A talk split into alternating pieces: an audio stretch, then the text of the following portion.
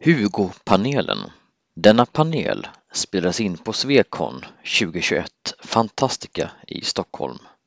Medverkare gör Tommy Persson, Gunilla Rybäck, Carolina Gomes Lagerlöf och moderator är Britt-Louise Wiklund. Svekon-poddar, en poddradio från svenska science fiction och fantasykongresser.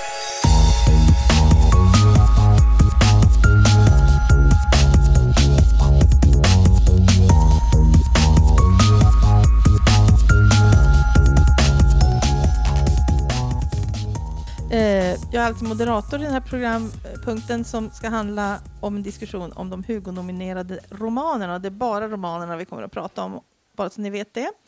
Eh, Hugopriset, om det är någon som inte vet det, jättesnabbt, det är eh, SF och fantasyvärldens motsvarighet till Oscarsgalan kan man väl säga. Det finns en massa olika kategorier. Eh, romankategorin är ju en, men så finns det också Best Dramatic Presentation eh, som är tv-serier eller filmer och det finns Best Editor och bästa kortare verk och massa olika kategorier. Och de här verken nomineras då av de som är medlemmar i världskongressen och sen får de också, så är det sex i varje kategori och sen så får medlemmarna i världskongressen också rösta på de här sex som har blivit nominerade. Eh, så att det är jätte, jätte i korthet vad det här handlar om för någonting. Eh, och eh, jag, har, jag, jag är moderator för jag har bara läst tre av dem i år. Eh, vad heter det? Jag tänkte att vi kan börja med att de olika panelisterna jättekort får presentera sig själva och så kanske säga några ord om brukar ni läsa de Hugo-nominerade verken och, och, och är, liksom är det en vana som ni har och, och så. Och har ni läst alla för i år? Och sen tar vi verken ett efter ett. Varsågod, Carolina börjar. Ja, jag är Carolina Gomez Lagerlöf. Ja, jag har läst de Hugo-nominerade verken i många år för jag tycker jätteroligt att åka till världskongressen. Och eh, en grej som de senaste åren som man har fått är att man får tillgång i det som kallas för Hugo-paketet så kan man få alltså jättemycket av de här gratis som man har chans att läsa dem. Inte allt, men väldigt, väldigt mycket. Och så jag börjar redan så fort de, de nomineras så börjar jag läsa och det tar jättelång tid. Och jag, jo, jag har läst det mesta fast jag, jag kan berätta sen att en av dem bara orkade jag inte komma igenom. Ja, hörs det? Ja.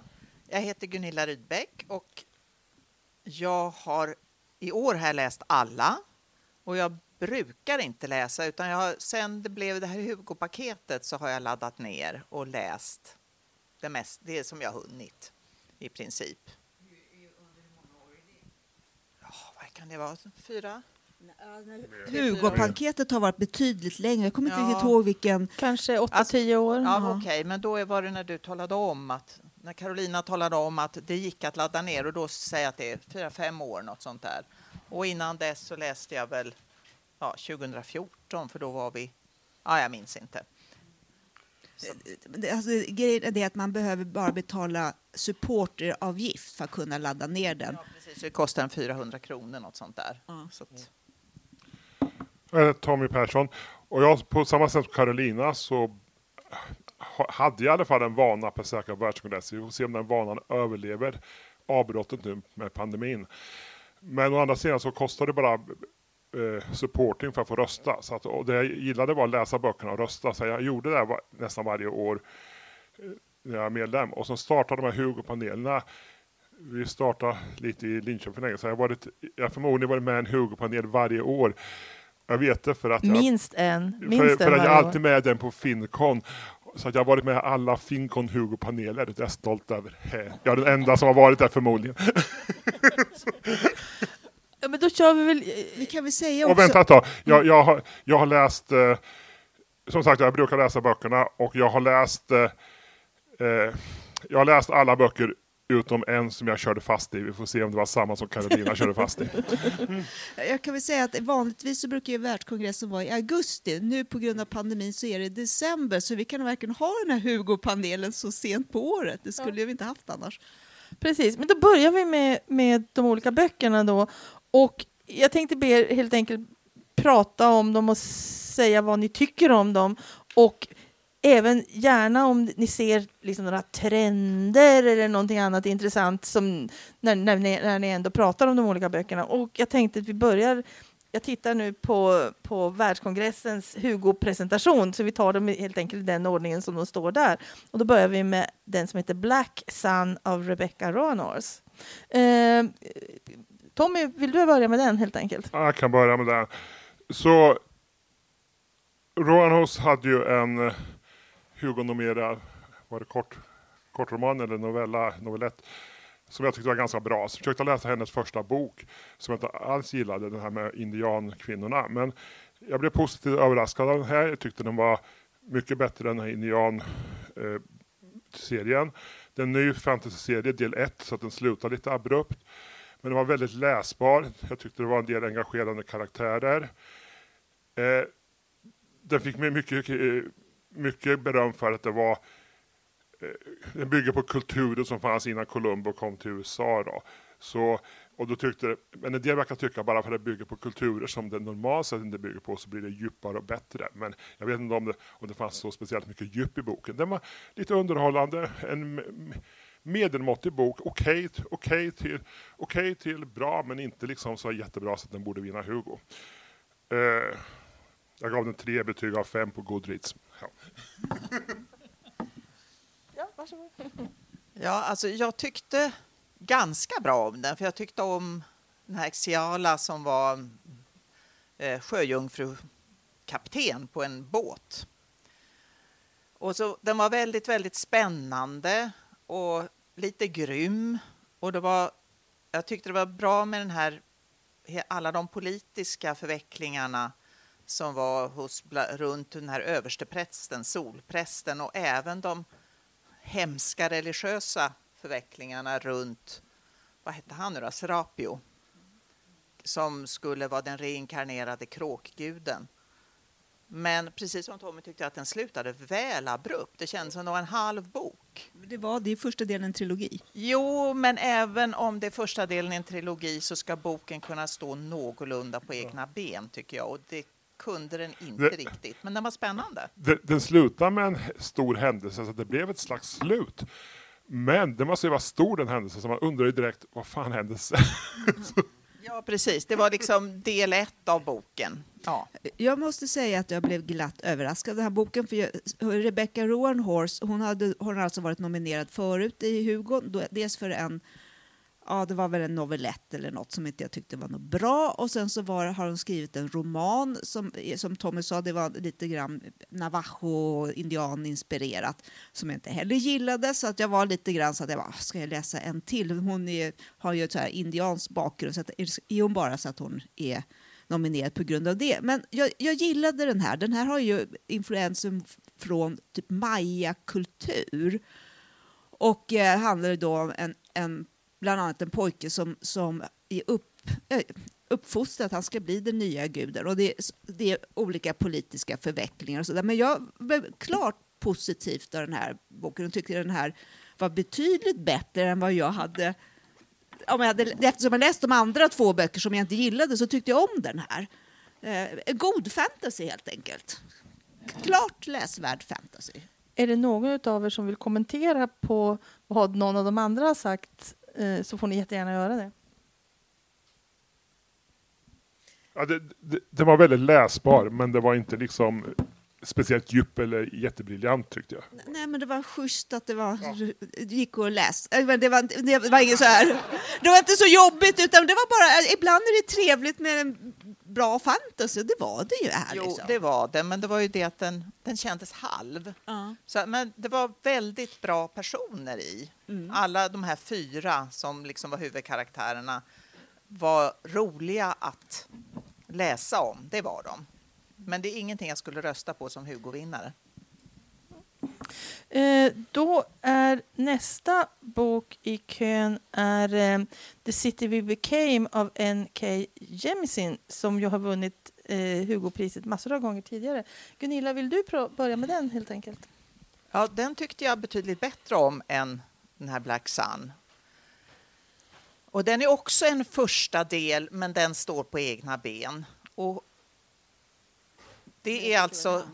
Ja, så att det är staden New York ska födas och få en avatar som alltså är en människa för att den, hela staden ska besjälas och även de olika stadsdelarna får avatarer som på något vis ska representera och staden och kämpa för staden därför att den är på väg att attackeras av någonting som verkar vara ett Lovecraft-spöke från Lovecrafts dimension.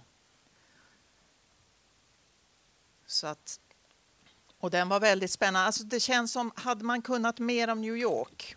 Jag har bara varit där en gång för 40 år sedan så att, och då var det tre dagar.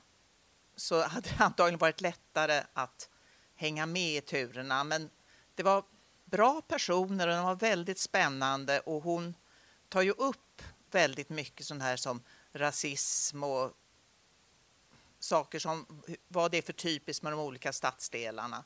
Och framförallt så är det det här Staten Island som, som man då tror att den ska typiskt utvecklas från eh, det här, åh, den börjar, hon börjar som väldigt rasist och hon är ganska skrämd och obehaglig. Man tänker när hon blir mindre skrämd så kommer hon att ja, förstå att man inte ska vara rasist ungefär.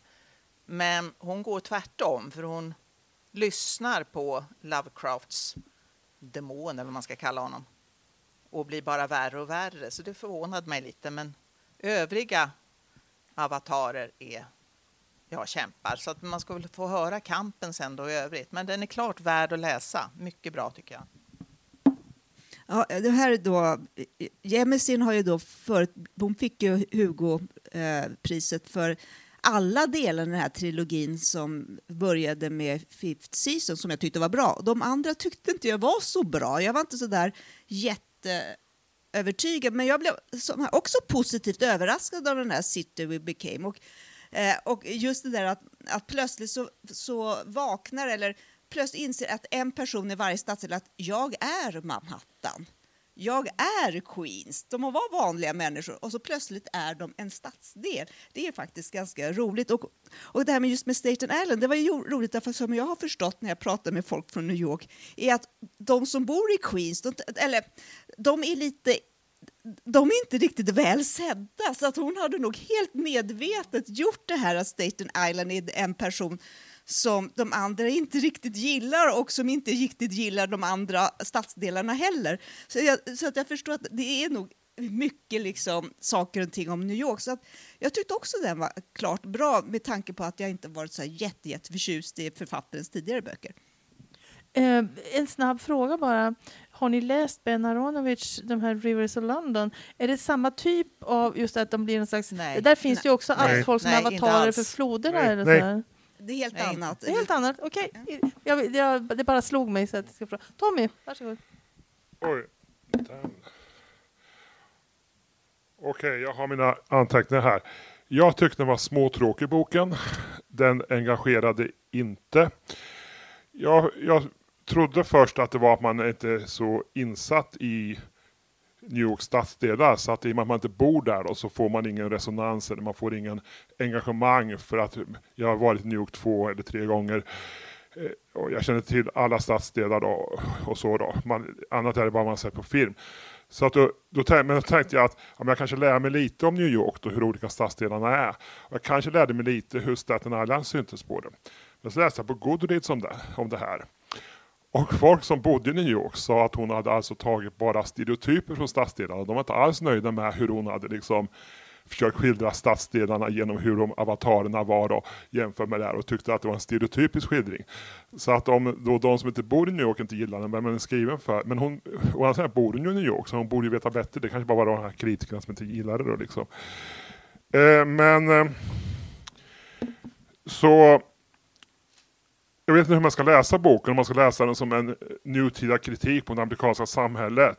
Men om man läser den som att viktigare fram, framställa den kritiken så får man bättre kritik från andra källor. Så jag vet inte om det är värt att traggla sig igenom boken bara för att få någon slags samhällskritik. Då. Och slutet var både långdraget och abrupt. Det tog lång tid när den kom fram till slutet och sen abrupt slutade det bara. Och sen, okej okay, spoiler här då, men Staten Island är ju då republikansk, den är, den är röd. Och de har visst röstat någon gång om de skulle tillhöra New York eller inte om jag fattar boken där.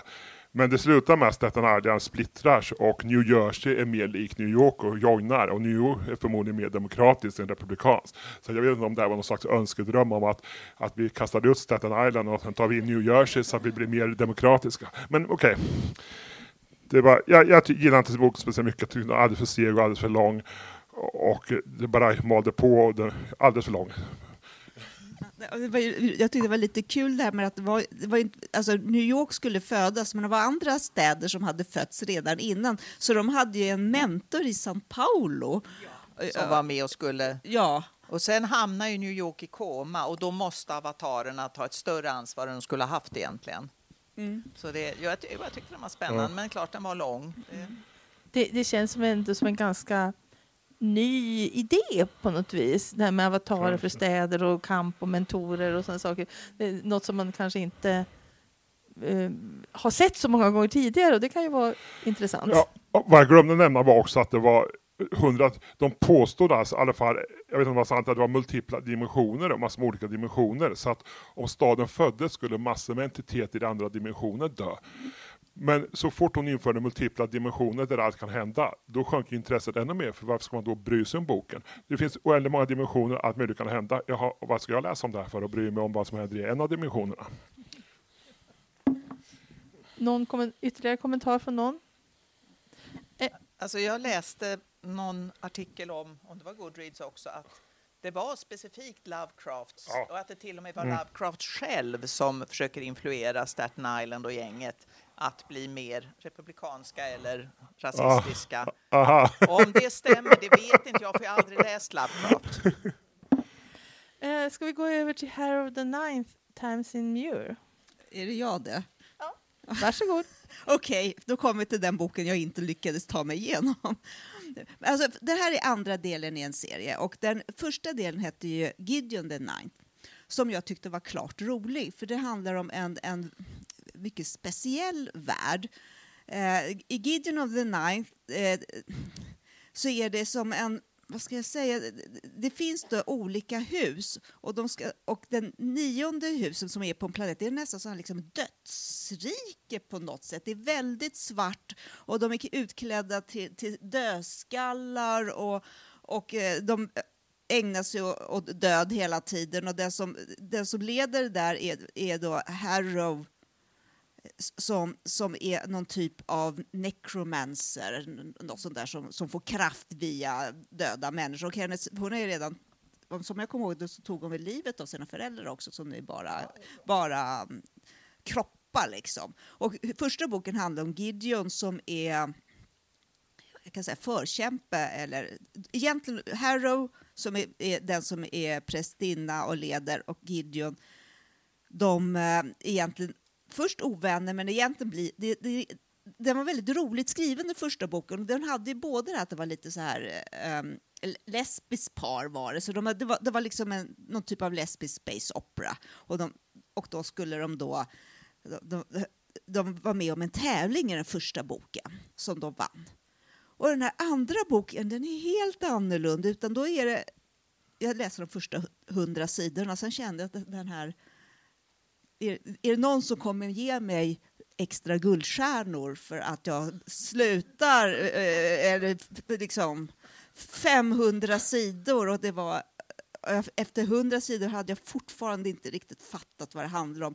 Det var ju delat i två, två historier, en som var i andra person och en i tredje person. Och en del var när de åkte iväg ett rymdskepp och den andra delen när de var fortfarande på den här planeten. Och nej, jag fick verkligen inte någon som helst eh, handling och efter hundra sidor så kände jag bara, nej, vet du vad? Gunilla, Tommy, är det någon av er som älskar den här boken så får den personen prata först nu efter Karolina som inte gillar den. Ja, jag gillade den väldigt mycket. Ja, då får du ta det först, Gunilla. Därför att hon har gjort något helt fantastiskt här tycker jag, författarinnan. Gideon the Ninth är ur Gideons perspektiv. Gideon är en klart positiv person, hon är rak, hon är rolig, hon är en fighter. Men Harrow, som alltså andra boken handlar om, hon har en enorm survivors guilt för att för att hon skulle få sina krafter så visar det sig att hennes föräldrar har ju tagit livet av samtliga barn, utom henne och Gideon, på den nionde planeten. Sen tar hon livet av sina föräldrar och använder dem, deras kroppar för att, ja. Men dessutom, slutet på Gideon, Gideon offrar sig för Harrow så att hon, Harrow har en enorm survival skill där också. Gideon dog för hennes skull, för att hon ska bli, inte för att hon ska överleva, utan för att hon ska bli Lyktor, alltså att hon ska bli Guds, the Emperors, högra hand och kunna kämpa för honom. Så att det liksom inte ens något... Men tävlingen var ju om vem skulle bli lyktor. Jo, det var det ju i och för sig, men att men Harrow klarar ju uppenbarligen inte av att Gideon offrade livet för det.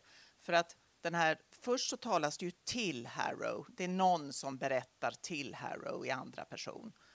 Men sen så berättas det i tredje person ur Harrows perspektiv och då blir man lite snurrig för att det är samma händelser som i Gideon, men vissa saker är helt annorlunda. Gideon till exempel finns inte med i Harrows minne överhuvudtaget.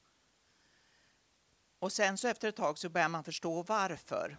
Harrow har till slut skrivit en massa brev till sig själv för att, som då en annan necromancer ska ge henne allt eftersom. Och de har de ska slåss mot olika eh, The Insurrection Beast.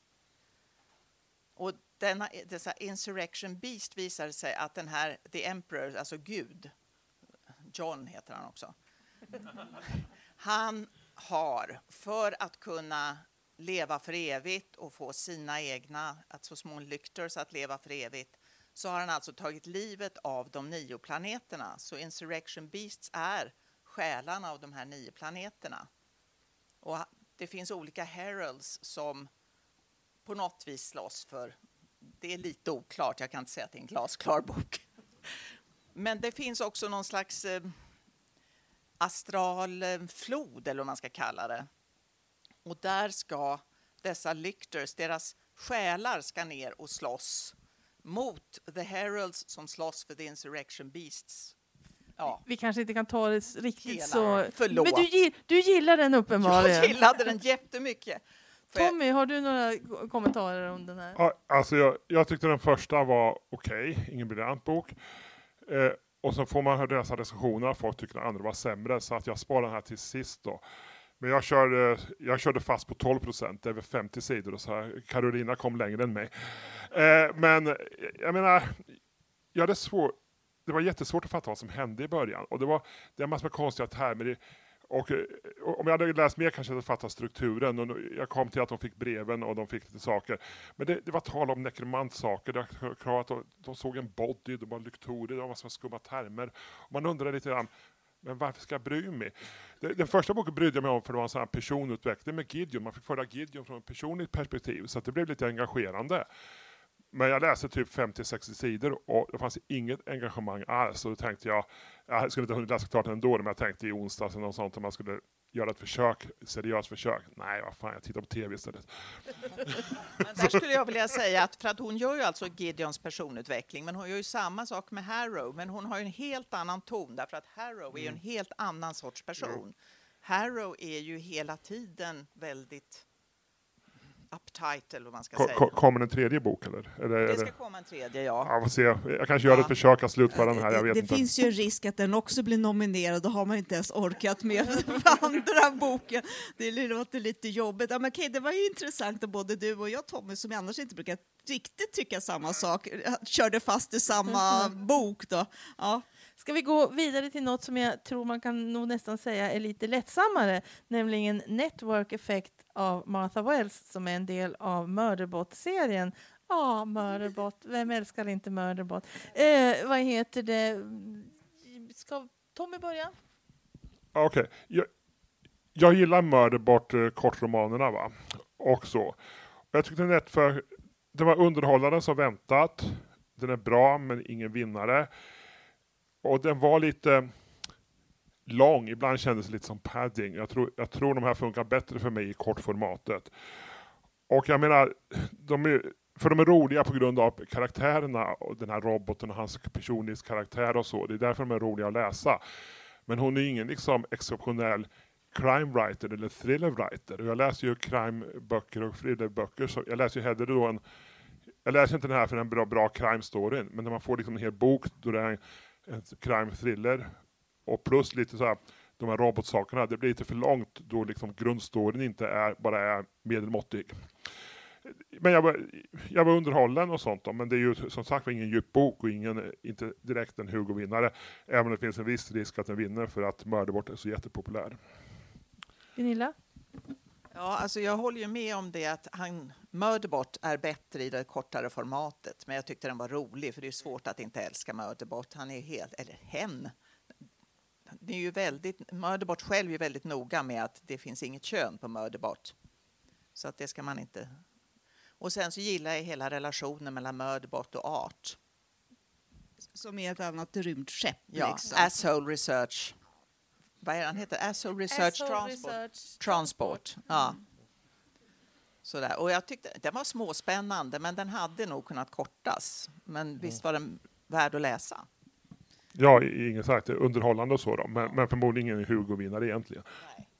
Alltså, ja, Murderbot, det har väl varit, hur många kortromaner är det? Fyra eller färre? Fyra stycken. Och jag tyckte, och uh, Murderbot är är en jätterolig eh, robot som verkligen gillar människor, men tycker, att, tycker de är lite jobbiga att ha att göra med. Så den är, roboten, Murderbot är ju hela tiden lite anti jämt. Inte liksom. robot, an, någon slags androidrobot får man väl säga, för det Ja. finns ju köttdelar också. Ja, precis. Cyborg kanske? Ja, Eh, ja, något sånt ja. Och jag tyckte om de första två eh, kortromanerna. Sen tyckte jag att det började gå på tomgång lite. Att det blev liksom samma berättelse igen. Och nu är det en hel roman, typ samma berättelse igen. Jag kände att det, nu- det räcker nu. Det, visst är det, är det lite skoj och det är roligt men det var väldigt mycket springande i olika korridorer och då, då skjutande och, och, och lite så här kast. Och, och det känns som att ah, hitta på något nytt nu. Det har kört för länge Murderbot. Alltså, de, första två... Så att, Ja, jag håller inte riktigt med. Därför att det här är ju mera som att läsa tvillingdeckarna. Att du har, de, det är samma som upprepas i och för sig, men det är jätteroligt. Man behöver inte läsa dem på raken kanske, men ja, Ja, men- nej, jag- jag, jag kände att ah, det var lite... Alltså, Ja, men jag, håller, jag håller med dig Gunilla här att det var ju kortromaner så att de svärmar. Jag menar bara om du har din favoritglass Magnum som jag har ätit i 15-20 år. Jag slutar inte äta dem bara för att jag har ätit den flera tusen gånger. Jag menar jag fortsätter äta min Magnum. En, Jag en, fortsätter frå- läsa min Murderbot. en, en fråga kring det här ehm, eh, som dök upp i min hjärna lite grann här när vi pratade om, eller när ni pratade om det här. Är det inte en Tom, jag tror det var Tommy som sa någonting om, om att hon kanske inte är världens bästa författare eller någonting sånt där. Men kräver det inte också en viss skicklighet att skriva en sån älskvärd och älskad Ja, ja. eh, karaktär? Nej, jag, jag, jag menar inte, hon är jättebra på att skriva dem, då, men jag menar bara att, att som deckarförfattare eller thrillerförfattare så är hon inte liksom eh, jättebra på att plotta själva grundmysteriet i, i, i det. Om det är grundmysteriet man ska bry sig om. Och när det var en sån här lång roman då så tyckte jag att det borde ha ett bättre typ av thriller grundmysterium kanske. Nej, För jag, jag kände att det var lite upprepning. Men Murderbot tycker det är jobbigt med människor, vill gärna titta på den här tv-serien och kollar fortfarande på sin tv-serie. De, han pratar med sin, det här rymdskeppet och, och har lite problem med sina människor och lite... Det, det, nej, det var en, en bok för mycket tycker jag. Den är inte dålig men det känns som bara, men varför, varför? Det är samma sak en gång till.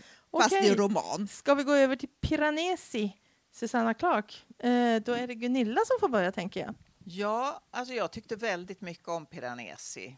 Jag blev lite förvånad, för den stämmer ju inte alls med den första, vad är den heter, Mr Norris och Nej, eh, Jonathan Strange. Jonathan Strange och Mr Norrell. som jag också tyckte var fantastisk. Den vann Och- väl också Hugon, va? Tror jag. Det vet jag inte. Jag tror det. Ja, den här är ju mycket, mycket kortare och hela första början är väldigt drömsk och, och samtidigt så anser Piranesi själv att han är en vetenskapsman som sitter fast i detta hus som han kallar världen. Och sen så ändrar det hela karaktär och så blir det mer av en vanlig deckare på slutet så att den blir lite undlig.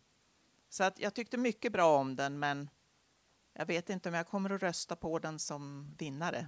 Det Eller det har en- jag inte gjort. Det, det är väl en bok som skiljer sig väldigt mycket från väldigt många andra böcker. Carolina? Alltså jag tycker jättemycket om den. Jag tycker det var en av de bästa böckerna jag läst förra året. Och jag solklar att jag, att jag röstar på den här Piranesi. Den har en helt annan stämning för den handlar ju om en, här, en i- början är det en man får, som kallar sig själv Piranesi men egentligen har den ingen namn. Han, han går omkring i en stor byggnad fylld med, med statyer och han fiskar i vattnet och han har bara en människa som han pratar med som är levande och så har han antal liksom, kvarlevor som han pratar med. Och det är en jättedrömsk värld och väldigt speciell atmosfär. Så jag, jag tyckte verkligen om det. Jag tycker den här stack ut som riktigt, riktigt bra, den här Piranesi. Så den kommer jag... Den Tommy är först. också jättepositiv vet jag. Ja, vi hade bokmöte om den i onsdags. Ja. Där jag också var med ja. så att eh, jag Så, vet vad Tommy tycker om den. Eh, så jag har varit på ett Stockholm-bokmöte med den här boken också. En bok, jag har varit på två bokmöten också och diskuterat på hugget. Men jag gillar, jag gillar boken väldigt mycket.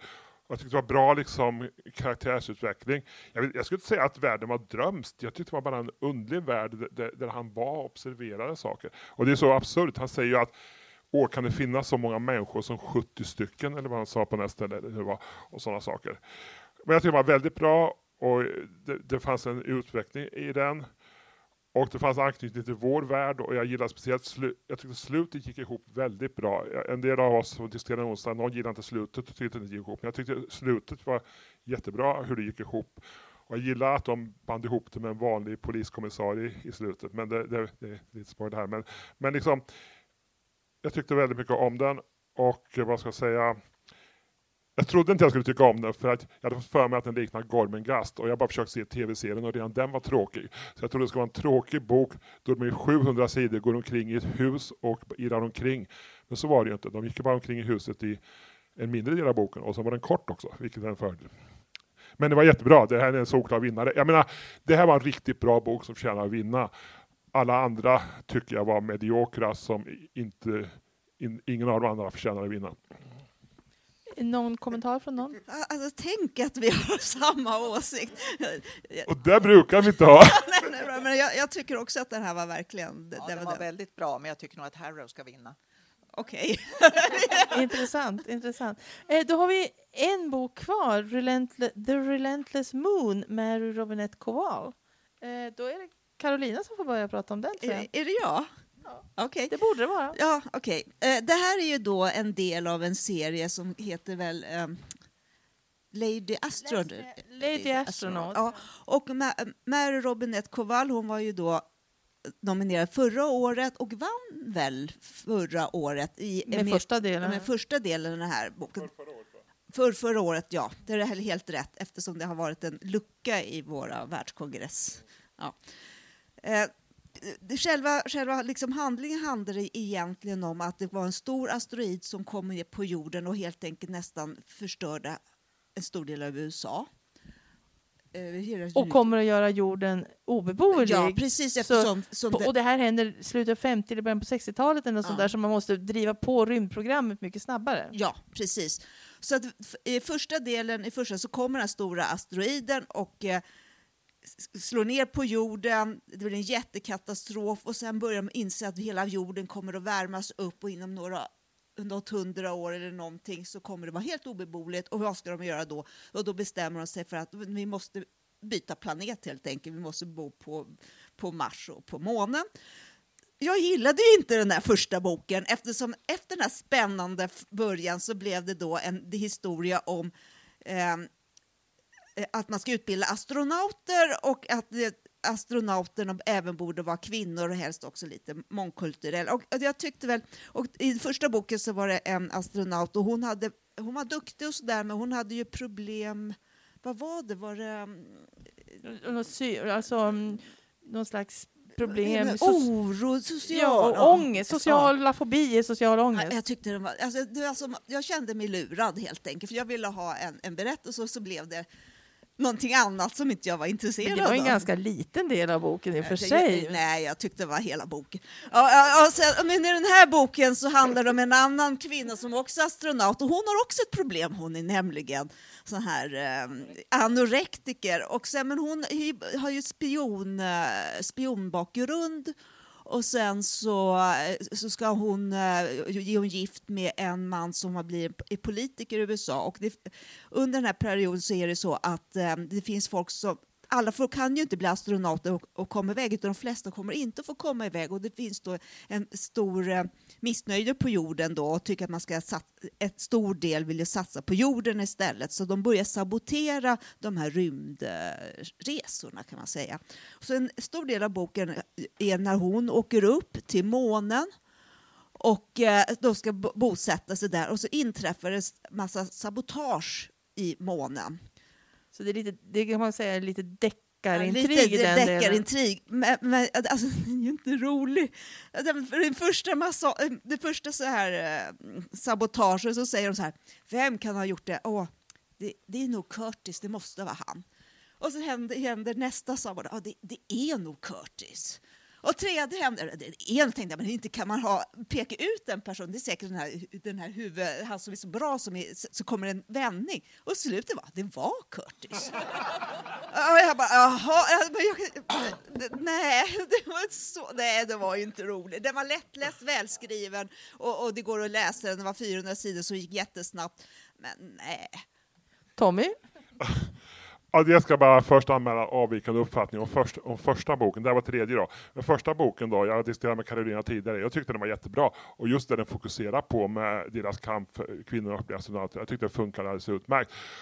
Och jag läste den i samband med, jag läste Hidden Figures, om ni minns filmen Hidden Figures och det här med NASAs historien på NASA och de som var computers på NASA. Så att jag läste den i samband, jag läste den som jag tyckte Hidden Figures var jättebra. Så jag, jag tyckte den här första boken var jättebra också.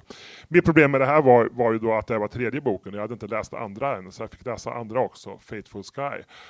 Och andra handlar alltså om ex, en expedition till Mars. Och medan de åkte till Mars så hände skymtar man att det händer saker på jorden. Och vad heter det? Det händer saker på rymdskeppet och det, det allt på rymdskeppet och man får bara reda på vad som händer på jorden med den kommunikation av jorden och så ibland avbryts kommunikationen och så. Och det roliga med tredje boken var att det var exakt samma tidsperiod så att nu får vi reda på vad som hände på jorden. Det som vi har tidigare sett från de som åkte till Mars synvinkel. Så att det tyckte jag var, var, var, var, var ganska lyckat. Det, däremot är de Koval är, jag läste en hel del böcker av Mary Robinette Koval. Hon är en okej författare men hon är ingen briljant författare om man uttrycker så. Och det är okej men ibland blir det lite tjatigt och ibland blir det lite tjatigt med de här liksom ätstörningarna och sådana saker. Det, speciellt de här, ät- jag reagerar inte på det här plotten med crime, det reagerar inte. Men just att de tjatar om ätstörning hela tiden, det blev väldigt tjatigt efter ett tag. Och det var likadant med hon som är på rymdskeppet i tvåan, hennes problem lite grann också. Den är bitvis ganska tjatig, eller vad ska vi säga, hon nämner en del saker lite för ofta som drar ner helhetsintrycket. Väldigt läsbar, helt okej handling, helt okej alltså, men eh, lite för pratig ibland och lite för, för, för mycket tjat om ätstörningar och liknande saker. Gunilla? Alltså, den var ju väldigt lättläst och ganska spännande, även om jag håller med om att det var lite fånigt det där med kan det vara Curtis och till slut var det det. Men jag tyckte samtidigt om personerna och jag, om känslan på månen, hur sårbart allting var, hur fint de hade gjort och hur de kämpade. Och jag tyckte om hela det här med Earth First som då, det är de som vill sabotera för att alla kan inte evakueras. Men då tycker de att på något vis att då ska ingen evakueras och så blir de ju terrorister i praktiken. Så att jag, jag tyckte de fick ihop det bra, men mm. Det, det, det var också kul att de det fanns nästan kvaglande utrustning från tidiga kolonisationer av månen. Det var lite kul att det fanns utrustning som bara vissa kom ihåg, som man nästan glömt bort, som sen de här terroristerna utnyttjade. Det tyckte jag var Ja. roligt. Så att det, var, det var en del, många roliga detaljer. Det, det, det var helt okej bok att läsa. ja, absolut. Jag kan ju säga att jag mötte ju henne, hon var ju på Icecon, så jag mötte, och det var en av de här, för hon är jättetrevlig och duktig författare. Och då var man bara, Man säger, Åh, jag har läst dina böcker. Och så säger jag inte. Ja, men, men nej, jag tyckte hon, hon vann ju, vi har ju pratat om det här förut, hon, du tyckte jättebra om det här och jag tyckte det var jättetråkigt. Jag tycker att alla böckerna i den här serien är bra. Fast jag, jag, jag kan se ungefär de här problemen som ni pratar om. Det kan bli lite för mycket tjat om ätstörningar och psykiska eh, problem, ångest. Alltså, en sak är att det är intressant att lyfta fram att, att folk är mänskliga och kan ha sådana problem. Men det kan bli lite för mycket i, i, i de här böckerna. Jo, men samtidigt så var det ju det att de det här var ju bara en perifer grej trots allt, för de klarade ju av den ena att ta sig som astronaut till Mars och den andra ja. blir ju så småningom president och löser hela mysteriet och håller ihop det man kan säga, panik. Det man kan säga är väl också att de här böckerna är ju egentligen en slags uppföljare fast prequels. Det är tre böcker som är prequels till en eh, jag tror att det är en novellett tror jag, som heter The Lady Astronaut of Mars som, hon, som var Hugo-nominerad för kanske sex sju år sedan eller något sånt där. Där som handlar om när de har koloniserat Mars. Och det här är ju egentligen tre romaner som är prequels till det. Jag, jag tänkte också på, det är väl Kowal som har skrivit de här Regency magiböckerna va? ja, de det, det, stämmer. Ja, det är en serie om någon eh, trollkarlar i Regency-perioder då, då kvinnor och män har lite olika magikrafter och så är det någon kvinna som bryter lite mot traditionen där. Men vad jag tänkte på när jag läste de här böckerna var att de, de här Regency-böckerna, de är jätteunderhållande att läsa. Men de var också inte i topp, om du fattar vad jag menar. Det verkar som att hon har liksom en, en maxnivå som författare och hon inte når högre. Men den nivån är ganska bra och underhållande. Men den är inte liksom så bra som Susan Clarks bok till exempel. och sådana saker. Mm. Eh, helt, vi har inte jättemycket tid på oss. Eh, jag tänk, jag vet ju redan vilken ni skulle, alltså, har röstat på eller skulle rösta på om ni tänker rösta. Eh, två av er på Piranesi och en på Harold the Ninth. Så det behöver vi egentligen inte gå igenom. Men vem tror ni kommer att vinna?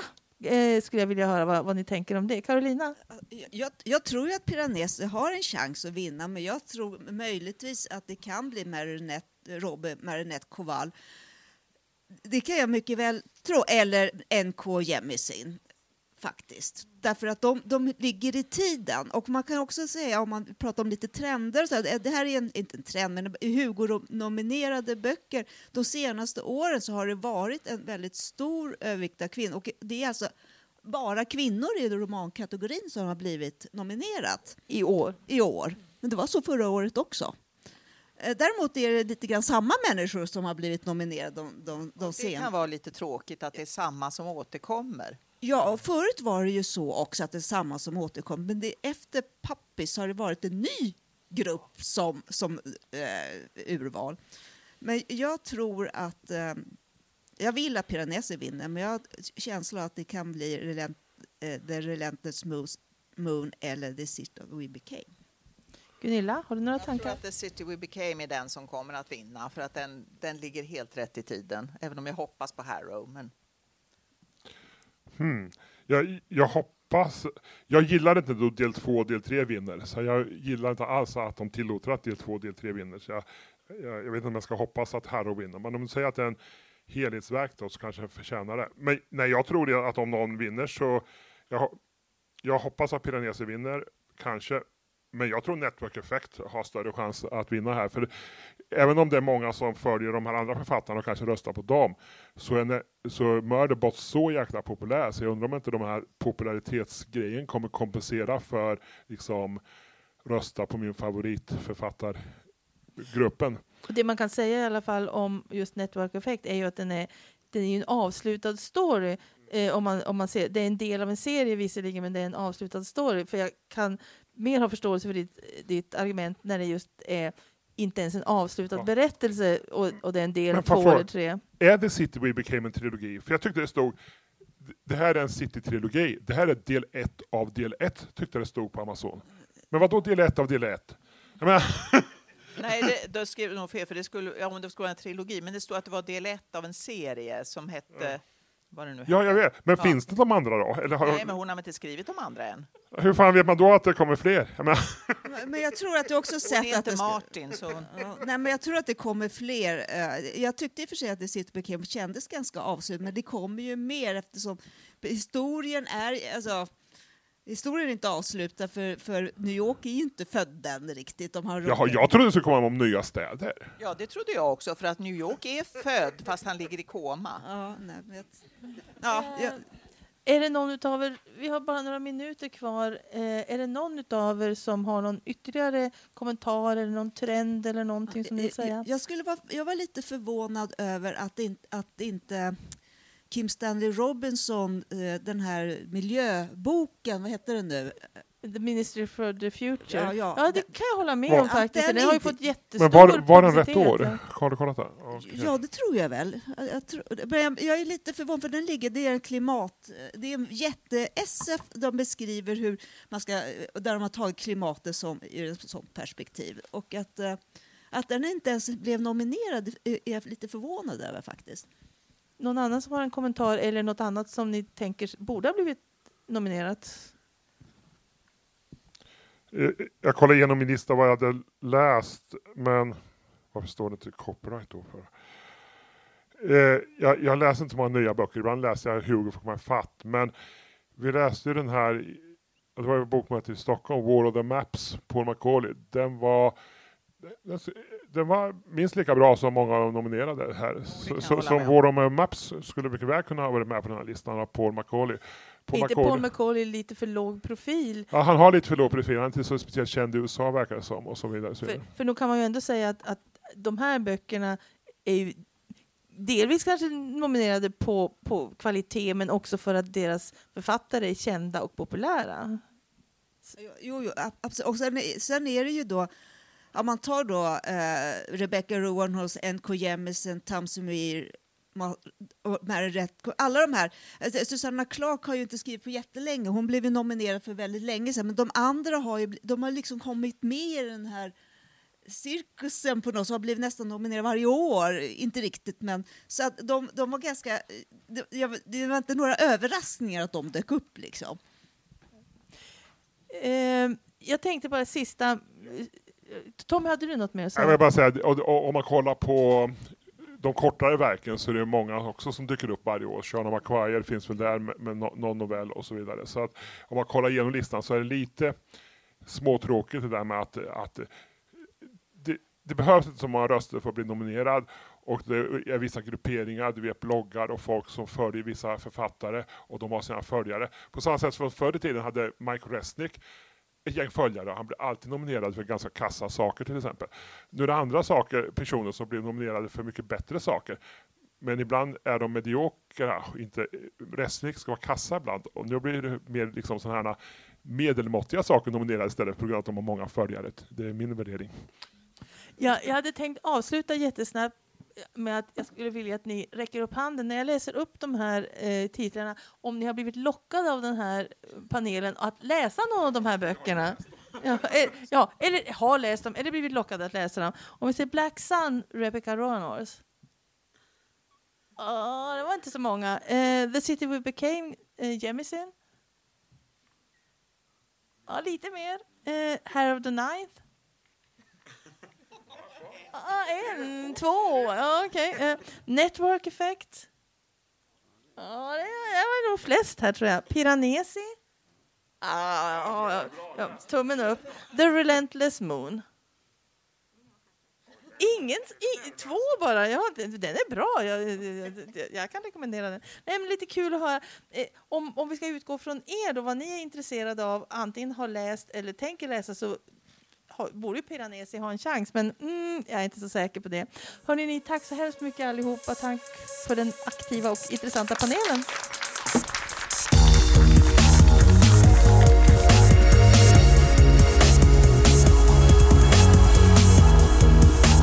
Musiken av Psychedelic Pedestrian från Free Music Archive.